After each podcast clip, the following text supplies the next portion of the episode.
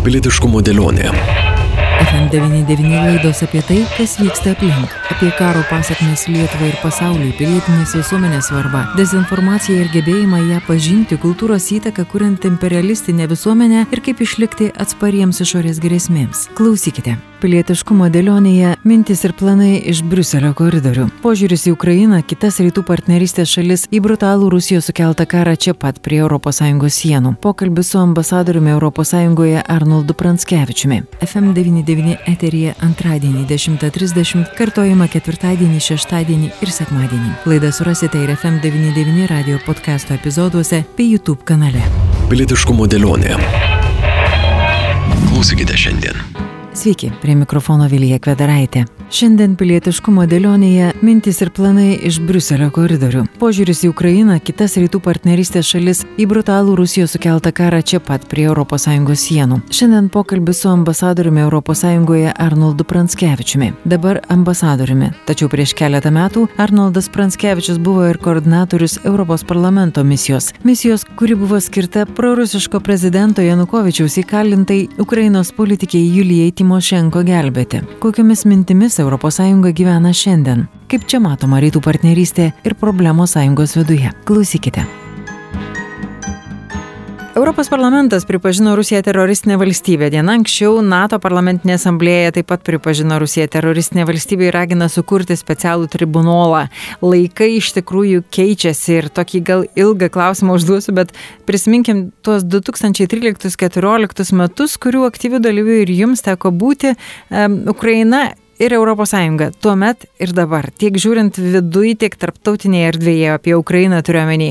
Maidanas Ukrainoje, nepasirašyta partnerystės sutartis su ES sukėlė ukrainiečius ant kojų ir išvedė aikštes ir dabar galiausiai Europa ginkluojanti Ukrainą. Kaip visą tai uh, matot jūs? Kaip tai keičiasi? Na tikrai jūsų klausimas turi labai daug potemių ir, ir, ir, ir svarbių aspektų. Iš tikrųjų parodo, kiek daug pasikeitė situacija pasaulis, pati Ukraina ir pati Europa nuo 2014 metų, kuriuos aš vis dėlto matyčiau kaip kritinius. E, ir dabar tie įvykiai, manau, labai stipriai yra susiję ir su tuo metu įvykiais, e, e, Ukrainos žmonių sugebėjimo perimti iniciatyvą iš korumpuoto tuometinio Viktoro Janukovičiaus režimo ir ištaisyti istorinę klaidą, kurią jis buvo padaręs, nepasirašydamas asociacijos sutartį su ES ir akivaizdu kad vladimiras putinas to niekados neužmiršo. E, ir šis karas gali būti dalis to keršto.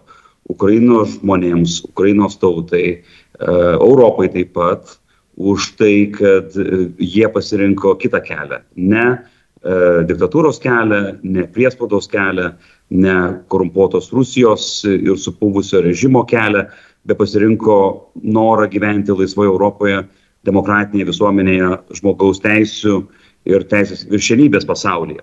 Tad aš manau, fundamentaliai tai yra uh, Putino karas. Jis ne tik bando save išsaugoti, bet jis kovoja prieš uh, jam, uh, jo režimui priešiškas idėjas - demokratijos, laisvės, žmogaus teisų idėjas. Ir dėl to ta kova yra pasmerkta mano pražučiai, nes mes matėme istorijoje daug pavyzdžių, kai įvairūs režimai ir įvairūs diktatoriai pakėlė ranką prieš, na, iš esmės prieš žmonių norą e, gyventi laisvai galiausiai pralošia.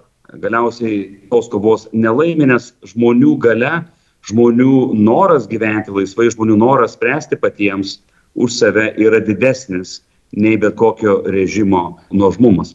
Ir būtent tai, manau, ir pademonstravo Ukrainos žmonės per pastaruosius devynius šio labai brutalaus karo mėnesius. O kaip pati Ukraina ir, pavyzdžiui, skirtumas su Baltarusija, kuri irgi bandė, ar ne? Baltarusija bandė prieš porą metų, pabandė lyg su baltom koinaitėm gražiai ir, ir, ir tiesiog viskas to ir baigėsi. Koks skirtumas tarp šių dviejų šalių, kodėl taip? na turbūt politologai a, ilgai dar analizuos ir panašumus ir skirtumus. A, akivaizdu, kad Ukrainos tauta nuo pat, sakyčiau, 89-91 metų parodė, kad ji nori gyventi nepriklausomai. Prisiminkime, kad prie Sovietų sąjungos žlugimo prisidėjo ne tik tai Baltijos šalių laisvės istorija, bet ir istorinis Ukrainos referendumas dėl nepriklausomybės 91 metais. Iš esmės sudavęs mirtiną jau galutinį smūgį Sovietų sąjungai ir, ir iš esmės parodžiusi pasauliui, kad ta sistema nebeegzistuos. Tad Ukrainos žmonės na, visada demonstravo tą ir norą būti nepriklausomi, ir kartu nepasitenkinimą įvairiomis valdžiomis. Prisiminkime, kad na, Maidano revoliucija 14 metais nebuvo pirmoji revoliucija. Mes visi buvome irgi liudininkais 2004 metų oranžinės revoliucijos, kai irgi vėlgi Ukrainos žmonės protestavo prieš pavogtus rinkimus, nuo baltarusijos atveju iš tikrųjų mes matėme kitokią situaciją nes vis dėlto šalyje neturėjome stiprios pilietinės visuomenės visus tuos trisdešims metų. Režimas aleksandro lukašenkos režimas sugebėjo deja bet uzurpuoti didžiąją dalį valdžios institucijų ir ne tik tai na išaugdino savo priklausomybę nuo rusijos ir, ir Rusijos režimo, tačiau ir viduje įvedė gana stiprią kontrolės sistemą. Ir mes tą matėme ir visuose mėnesiuose po taikios protestų bangos Baltarusijoje, kad režimas ėmėsi be galo, be galo brutalaus ir griežto atsako, uždarė dešimtis tūkstančių žmonių į kalėjimą. Vis dar turime dabar tūkstančius politinių karinių. Didžioji dalis polit, politinės opozicijos yra pasitraukusi į vakarus, Vilnių, Varšuvą, kitus miestus, todėl pačioje šalyje neliko žmonių, kurie galėtų oponuoti Lukašenkos režimui. Tad tikrai labai, labai liūdna konstatuoti, kad situacija e, pakrypo visai kitaip nei Ukrainoje. Ir čia turbūt yra daugiau tokios sisteminės, struktūrinės priežastis, turint omeny pačios pilietinės visuomenės stiprybę, politinės sistemos bruožus Baltarusijoje lyginant su Ukraina, kurioje visada buvo e, pakankamai daug pluralizmo, pakankamai daug laisvės, net ir gudžiais Kučmos ar Janukovičiaus laikais. Žiniasklaida, visuomenė, akademija buvo tikrai gyvybinga, oponuojanti valdžiai.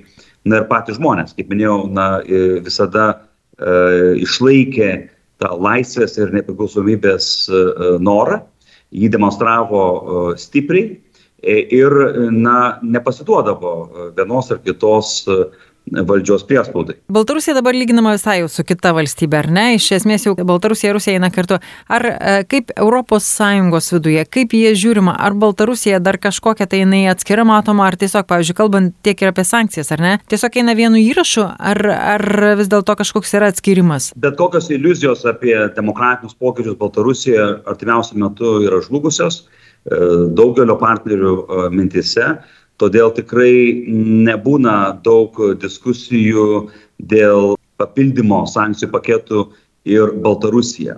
Tai nėra kontroversiškas klausimas. Ir kaip matėte per visus aštuonis sankcijų paketus, nekarta šalia buvo priimta, priimami ir paketai dėl Baltarusijos, bandant sinchronizuoti tam tikras ypatingai sektorinės sankcijas, finansinės, bankinės sankcijas, taip pat ir individualias sankcijas, turint omeny, kad nemažai E, įvairių karo e, politikos biznio atstovų ir Baltarusijoje yra tiesiogiai susijęs su karu, parama karui ar Vladimiro Putino režimu. Deja, tenka konstatuoti, kad Baltarusija kaip valstybė jau nebėra traktuojama kaip pilnavertė rytų partnerystės e, programos narė.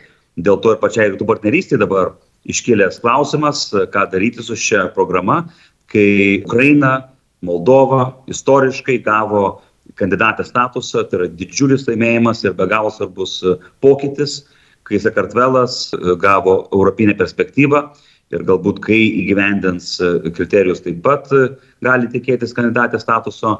Na ir lieka Armenija ir Azerbaidžianas, su kuriomis labai daug yra angažuojamasi, bandant ypatingai išvengti tolesnio konflikto, bandant kiek įmanoma pašalinti Rusiją iš to regiono, kuriame jin turėjo labai didelį ir karinį ir interesų buvimą. Ir čia lieka Baltarusija, kuri tikrai šiandien yra visiškai susijusi su Rusija e, kariškai, e, ekonomiškai, e, dabar jau ir atsakomybės prasme dėl karo Ukrainoje. Todėl natūralu, kad ji negali būti tame pačiame formate su valstybėmis, kurios yra kandidatė šalis, kurios yra bendramintė šalis, kurios išpažįsta, išpažįsta demokratiją ir, ir žmogaus teisės. Tačiau kol kas formaliai jinai yra rytų partnerystės dalimi, ar ne? Nėra pašalinta Baltarusija, nėra išbraukta, ar yra tokių minčių? Kol kas yra, e, tačiau yra sustabdytos visos bendarbiavimo programos su Baltarusija. Ne tik tai vat, pasienio programos su Lenkija, Lietuva ir Latvija, bet ir bet kokia kita paramos programa šiuo metu yra sustabdyta e, ir Baltarusijos režimas yra visiškai izoliuotas. Bet, kaip minėjau, prasideda diskusijos dėl rytų partnerystės ateities. Ir štai turėsime galimybę, turbūt pirmąją gruodžio mėnesio užsienio reikalų taryboje, kur vyriausias įgaliotinis užsienio politikai Borelis kviečia ministrus pusryčiams dėl rytų partnerystės ateities. Tai žiūrėsime, kokiu minčiu turės ministrai, kaip tą programą keisti. Kalbant apie priklausomybės, pačios ES priklausomybę, e, iš tikrųjų labai daug kalbama apie Vokietijos ar ir kitų šalių, Vengrija tame tarpe ir panašiai yra daug, kur, na, bandančių ir Vokietija bando išsiversti vis dėlto be rusiškų dujų, tą bambagislę nutraukti, atrodo jiems visai neprastai sekasi, nors ir žiauriai brangiai kainuoja, bet e, vis dėlto jie bando suktis iš situacijos. Kaip matoma e, ta situacija visą ES įmant bendrai? Na, nuo karo pradžios tikrai priklausomybė nuo rusiškų dujų sumažėjo drastiškai ir nuo 40 procentų nukrito iki 7 procentų ir toliau krenta. Tikrai ne tik tai dėl, dėl pačios ES žingsnių, bet ir dėl pačios Rusijos, be jokios abejonės žingsnių, vieną po kitos valstybę atjungiant nuo rusiškų dujų. Tai iš esmės Rusija pati savizoliuoja energetikos politikoje ir daro tai, ką mes patys turėjom padaryti jau gana seniai. E, liko dar kelios valstybės, kurios šiek tiek daugiau priklauso nuo Rusijos dujų nei kitos. E, tų valstybių ratas vis mažėja, todėl darosi vis labiau e, įmanoma, tikiuosi, greitų laikotarpių per ateinančius mėnesius pabaigti šį darbą tiek ir, na, išplečiant sankcijų režimą ir į dujų sektorių. Kaip žinote, naftos sektorius, anglies sektorius jau yra sankcionuoti, tačiau dujų dar ne kartu ir su tuo susijęs Gazprom bankas ir Gazpromas e, kaip kompanija. Tai tai būtų turbūt toks galutinis jau e, mūsų žingsnis galutinai nukertant priklausomybę nuo Rusijos e, šioje srityje. Aišku, tam, kad tai įvyktų, reikia toliau skatinti ilgalaikės mūsų partnerystės su bendramintėmis ir nuspėjamomis valstybėmis, tokiomis kaip Junktinės Amerikos valstijos, Kanada, iš kurių e, ypatingai suskistintų dujų e, importas padidėjo e, labai ženkliai. Taip pat, aišku, yra naujos partnerystės kūriamos su Egiptu, su Alžyru, Azerbaidžanu, kitomis valstybėmis tam, kad užtikrinti dujų tiekimą į Europą, kad užtikrinti energetinį saugumą, kad pakeisti rusiškas dujas. Kartu, aišku, labai na, svarbu tęsti infrastruktūros projektus, statyti e, e, dujų saugyklas, statyti e, LNG terminalus, kaip žinote, pati Vokietija net keletą yra numačiusi, na, forsuoja tos darbus statymo ir pabaigti jungtis, pabaigti jungtis, kurios galėtų padėti ypatingai valstybėms, kurios yra energetiškai izoliuotos, gauti prieigą prie, prie dujų iš Europos. Dabartinis paketas, jis būtent numato tos žingsnius. Bendras dujų saugyklas, bendra, e, e, bendrus pirkimus dujų e, per ilgalaikius kontraktus, solidarumą, jeigu įvyksta energetinė krizė ir daugiau finansų Europos infrastruktūros programai Connecting Europe Facility tam, kad, kad tas jungtis būtų pabaigtos.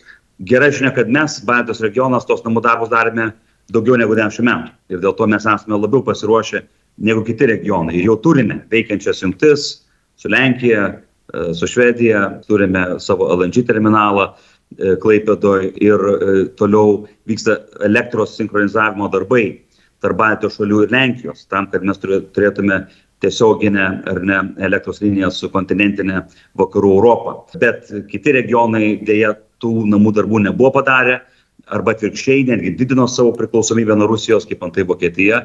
Ir turbūt dėl to, na, užtrunka šiek tiek ilgiau, negu norėtųsi galutinai panaikinti tą priklausomybę. Tačiau ji tikrai e, mažėja ir aš manau, kad tai yra, na, ne tik, nesustojantis procesas, jis yra neapgręžtinas procesas. Aš neįsivaizduoju artimiausiu metu ir per artimiausius dešimtmečius na sugrįžimo prie tos priklausomybės, kurią mes turėjome. Na, 12 milijardų panašu ir liks palaidoti po vandeniu e, su, su visais Nord Streamais, bet iš tikrųjų kalbant apie situaciją, apie tas emocijas ir, ir, ir nuotaikas viduje ES, pavyzdžiui, Vengrija, įmant ar ne, kuri taip ir netvirtina Suomijos ir Švedijos narystės NATO, pavyzdžiui. E, kiek man teko kalbėtis ir su Vengrijos politikais, e, jie bent jau prieš karą, prieš šitą karo fazę kalbėjo, kad visas Orbano maivimas jis yra tik tai norint išpešti viską, kas įmanoma, bet, pavyzdžiui, tokio žingsnio kaip išstoti iš ES jis niekada net nebandys, nes taip nutrūktų pinigų srautas. Kaip atrodo viduje? Be jokios abejonės, nebuvo nei vienos e, net užuomenos iš e, vengrų kolegų, kad e, jie norėtų ar siektų išstoti iš ES atvirkščiai. Esu įsitikinęs, kad Vengrijos valdžia daro viską, kas įmanoma, kad liktų ES viduje ir, kaip minėjote, naudotis visomis ES, um, kaip sakyti, galimybėmis ir privalumais. Bet čia vat ir yra tas solidarumo aspektas, kad mes visi 27 e, nariai šios sąjungos esame čia e, e, kartu ir ne tik tai imame iš sąjungos, bet ir duodame atgal jai, ne, ir bendram gėriui, bendram reikalui. Ir dėl to tas solidarumas nėra vien tik tai popierinė savoka, tai yra viena esminių rišamųjų grandžių ES kaip, kaip institucijos. Dėl to jin tokia yra unikali pasaulyje, kad mes sugebam e, kartu sustarti, kartu turėti bendrą valiutą, kartu turėti bendrą judėjimo ir judėjimo laisvės zoną šiandieną, kartu pirkti vakcinas, kartu dabar štai ar nepirkti dujas, kartu bendru biudžetu remti Ukrainą ginklais ir, ir, ir visi kiti dalykai, kurie būtų neįmanomi be solidarumo aspekto. Ir čia dėje, bet e, Budapeštas e, ypatingai per tuos pastruosius devynis mėnesius nuolatos pažydžia tą solidarumo principą. Ir pažydžia jį brutaliai, pažydžia jį grubiai, pažydžia jį labai ciniškai, dažnai šantažuodamas likusias valstybės narės, šantažuodamas e, Europos komisiją ir ypatingai paimdamas įkaitų Ukrainą. Ar tai būtų finansinės paramos paketai Ukrainai, ar tai būtų mūsų sankcijų paketai, prieš Rusiją, ar tai būtų kiti bendri sprendimai, kurie būtent ir yra solidarumo sprendimai, vienybės sprendimai be galo svarbus šiandien, ne tik išlaikant mūsų vienybę, bet ir parodant labai stiprų Europos atsaką e, dėl Rusijos karo Ukrainoje. Kol kas vis dėlto pavykdavo vis dar rasti sprendimus ir užtikrinti vienbalsiškumą, tačiau neslėpsiu, kad nuolatos darosi tą daryti vis sunkiau, nes ir e, Vengrijos pozicija darosi vis sunkiau na, kaip sakyti, pateisinama ir vis sunkiau suvaldoma mūsų sąjungoje. Ir nelabai atrodo yra priemonių, nes pasiūlyti išeiti, turbūt irgi, ta prasme, to formato irgi tokio nėra. Valstybė gali išeiti pati, bet jai ne, jos negalima išmesti iš e, sąjungos. Tai, na, tikriausiai irgi sutarčių keitimai, tu veikiausiai ims galvoti apie tos dalykus, ypatingai jeigu plėtra įsibėgės ir jeigu ES iš tikrųjų sugrįž prie to, kad vis dėlto plėstis ir priimti naujas narės. Dar kalbant apie, apie tiek Vengriją, kurioje buvo labai stiprus tas dalykas, tiek apie dabar bendrai visą tą informaciją informacinę erdvę, informacinį karą, kiek jis užima laiko politikų galvose, diskusijose ir mintise. Tiesiog ką jūs matot, kaip mastot? Tai yra nuolatinė kova ir aišku, kad dezinformacijos karas Rusijos dezinformacijos karas yra toks pat intensyvus kaip ir jos energetinis karas prieš Europos Sąjungą, dabar ir prieš Ukrainą, bombarduojant jos energetinę infrastruktūrą.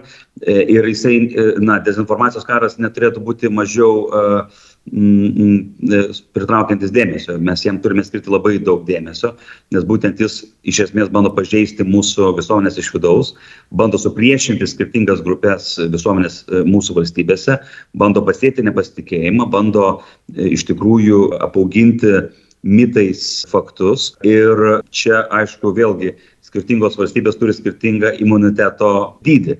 Mes turbūt mūsų regione esame labai pripratę kovoti su rusiška dezinformacija, todėl bet koks melas ar paleista antis išgyvena be galo trumpai. Lietuvos erdvėje, ar Lenkijos, ar Baltijos šalių žiniasklaidos erdvėje mes dažniausiai labai greitai tai pastebim ir tą melą paneigiam. Ir pati žiniasklaida yra be galo atsakinga, be galo profesionali tuo atžvilgiu ir mažai patikli e, rusiškai propagandai.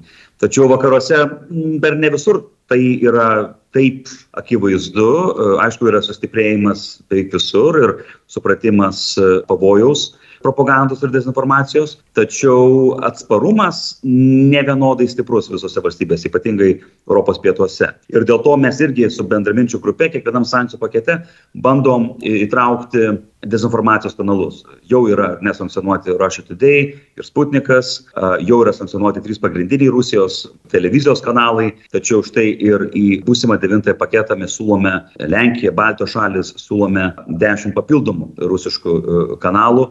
Tikimės, kad kiti partneriai sutiks ir bus įtikinti, kad jas reikia įtraukti, ypač turint omeny, kad Europos teisingumo teismas rugsėjo mėnesį savo labai svarbioje byloje dėl Russia Today ir Sputniko labai aiškiai pasakė, kad ES buvo tiksli, įvardindama, kad tai nėra e, laisvo žodžio įrankiai, o tai yra dezinformacijos ir karo propagandos įrankiai.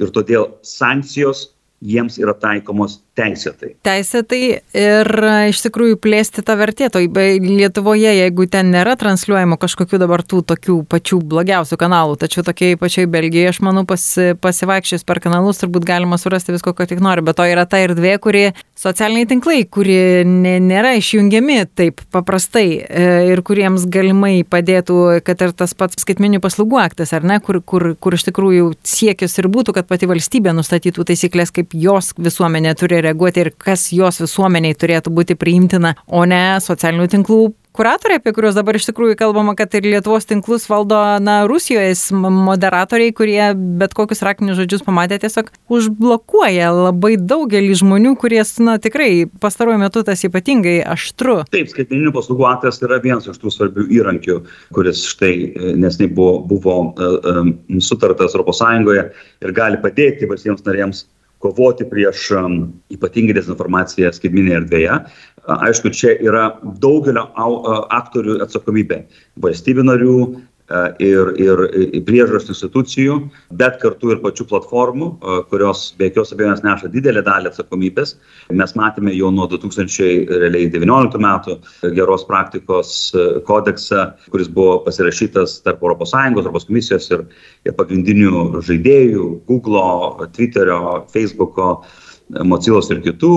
Ir turime tokią, na, kaip sakyti, sakyčiau, na, gal daugiau teigiamą negu neigiamą patirtį, iš tikrųjų daug buvo padaryta darbo, ypatingai kovoje, tarkime, prieš dezinformaciją susijusią su COVID-19 pandemija, kur tikrai būtent tie socialiniai tinklai platformos turbūt pirmą kartą taip sistemiškai bandė kovoti su dezinformacija ir, ir naikinti ir, ir netikras paskiras, ir, ir blokuoti dezinformacijos naratyvą e, ar turinį, kuris galėjo kenkti žmonių sveikatai ir, ir buvo labai pavojingas.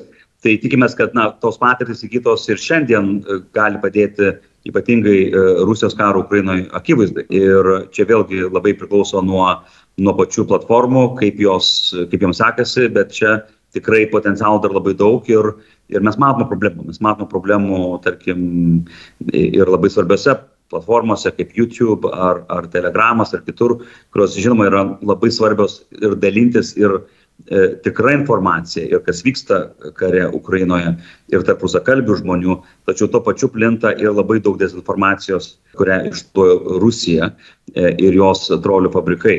Tai aišku, kad čia yra nuolatinis darbas, nuolatinė hygiena ir, ir kuo toliau, tuo daugiau reikalaujanti e, pastangų, finansų, išteklių, žmonių, ekspertizės. Dėl to ir čia ES Lietuva yra viena iš tų valstybių, kuri jau 2014 metais skatino ir tuo metu na, džiaugiasi, kad e, įkūrėme strateginės komunikacijos komandą Europos išorės reikalų tarnyboje. E, tai buvo kaip atsakas į Krymo aneksiją ir, ir, ir Rusijos sukeltą karą Dombase. Bet per tą laiką iš tikrųjų ta tarnyba ir, ir sustiprėjo, ir išaugo. Ir mes manome, kad turi dar stiprėti, nes strateginės komunikacijos prasme ES turi ne tik tai na, analizuoti naratyvus, žiūrėti, kokie yra, kokios yra tendencijos, bet ir aktyviai kovoti prieš, aktyviai suduoti smūgį atgal. Nes tai yra pasaulis, kuriame reikia ginti, ginti demokratiją, ginti mūsų vertybės. Būtų naivu tikėtis, kad mes jas apginsime be aktyvių veiksmų. Iš tiesų, viso to pagrindas, ko gero, ir yra stipri pilietinė visuomenė, kuri, na, ant kurios viskas laikosi, ko tu pasieki ir, ir kaip tai atrodo ta informacinė erdvė ir kiek tu puoli dalintis bet kuo, ką pamatai, bet kokią nesąmonę. Tai yra iš tikrųjų ta visuomenė stiprybė ir dvasia jinai yra labai svarbi ir, na, tam dėmesys irgi greičiausiai tik tai auks nuolatos, kaip ir žiniasklaidos stiprinimui beje, nes tas irgi labai svarbu, ypatingai va, dezinformacinėje erdvėje labai svarbu ta patikima, patikima žodis ir patikimas vardas ir patikimas tiek, tiek žmonių, kurie kalba, tiek žmonių, kurie rašo, rodo. Tai ačiū šiandien Jums labai iš pokalbį ir su mumis buvo ambasadorius prie ES Arnoldas Pranskevičius. Dėkui Jums. Ačiū Jums. Lietuvos ambasadorių ES Arnoldą Pranskevičių kalbino Vilija Kvedaraitė. Šiandien tiek. Iki. Pilietiškumo dėlionė. Prie laidos finansavimo prisideda spaudos radio ir televizijos rėmimo fondas. Pilietiškumo dėlionė.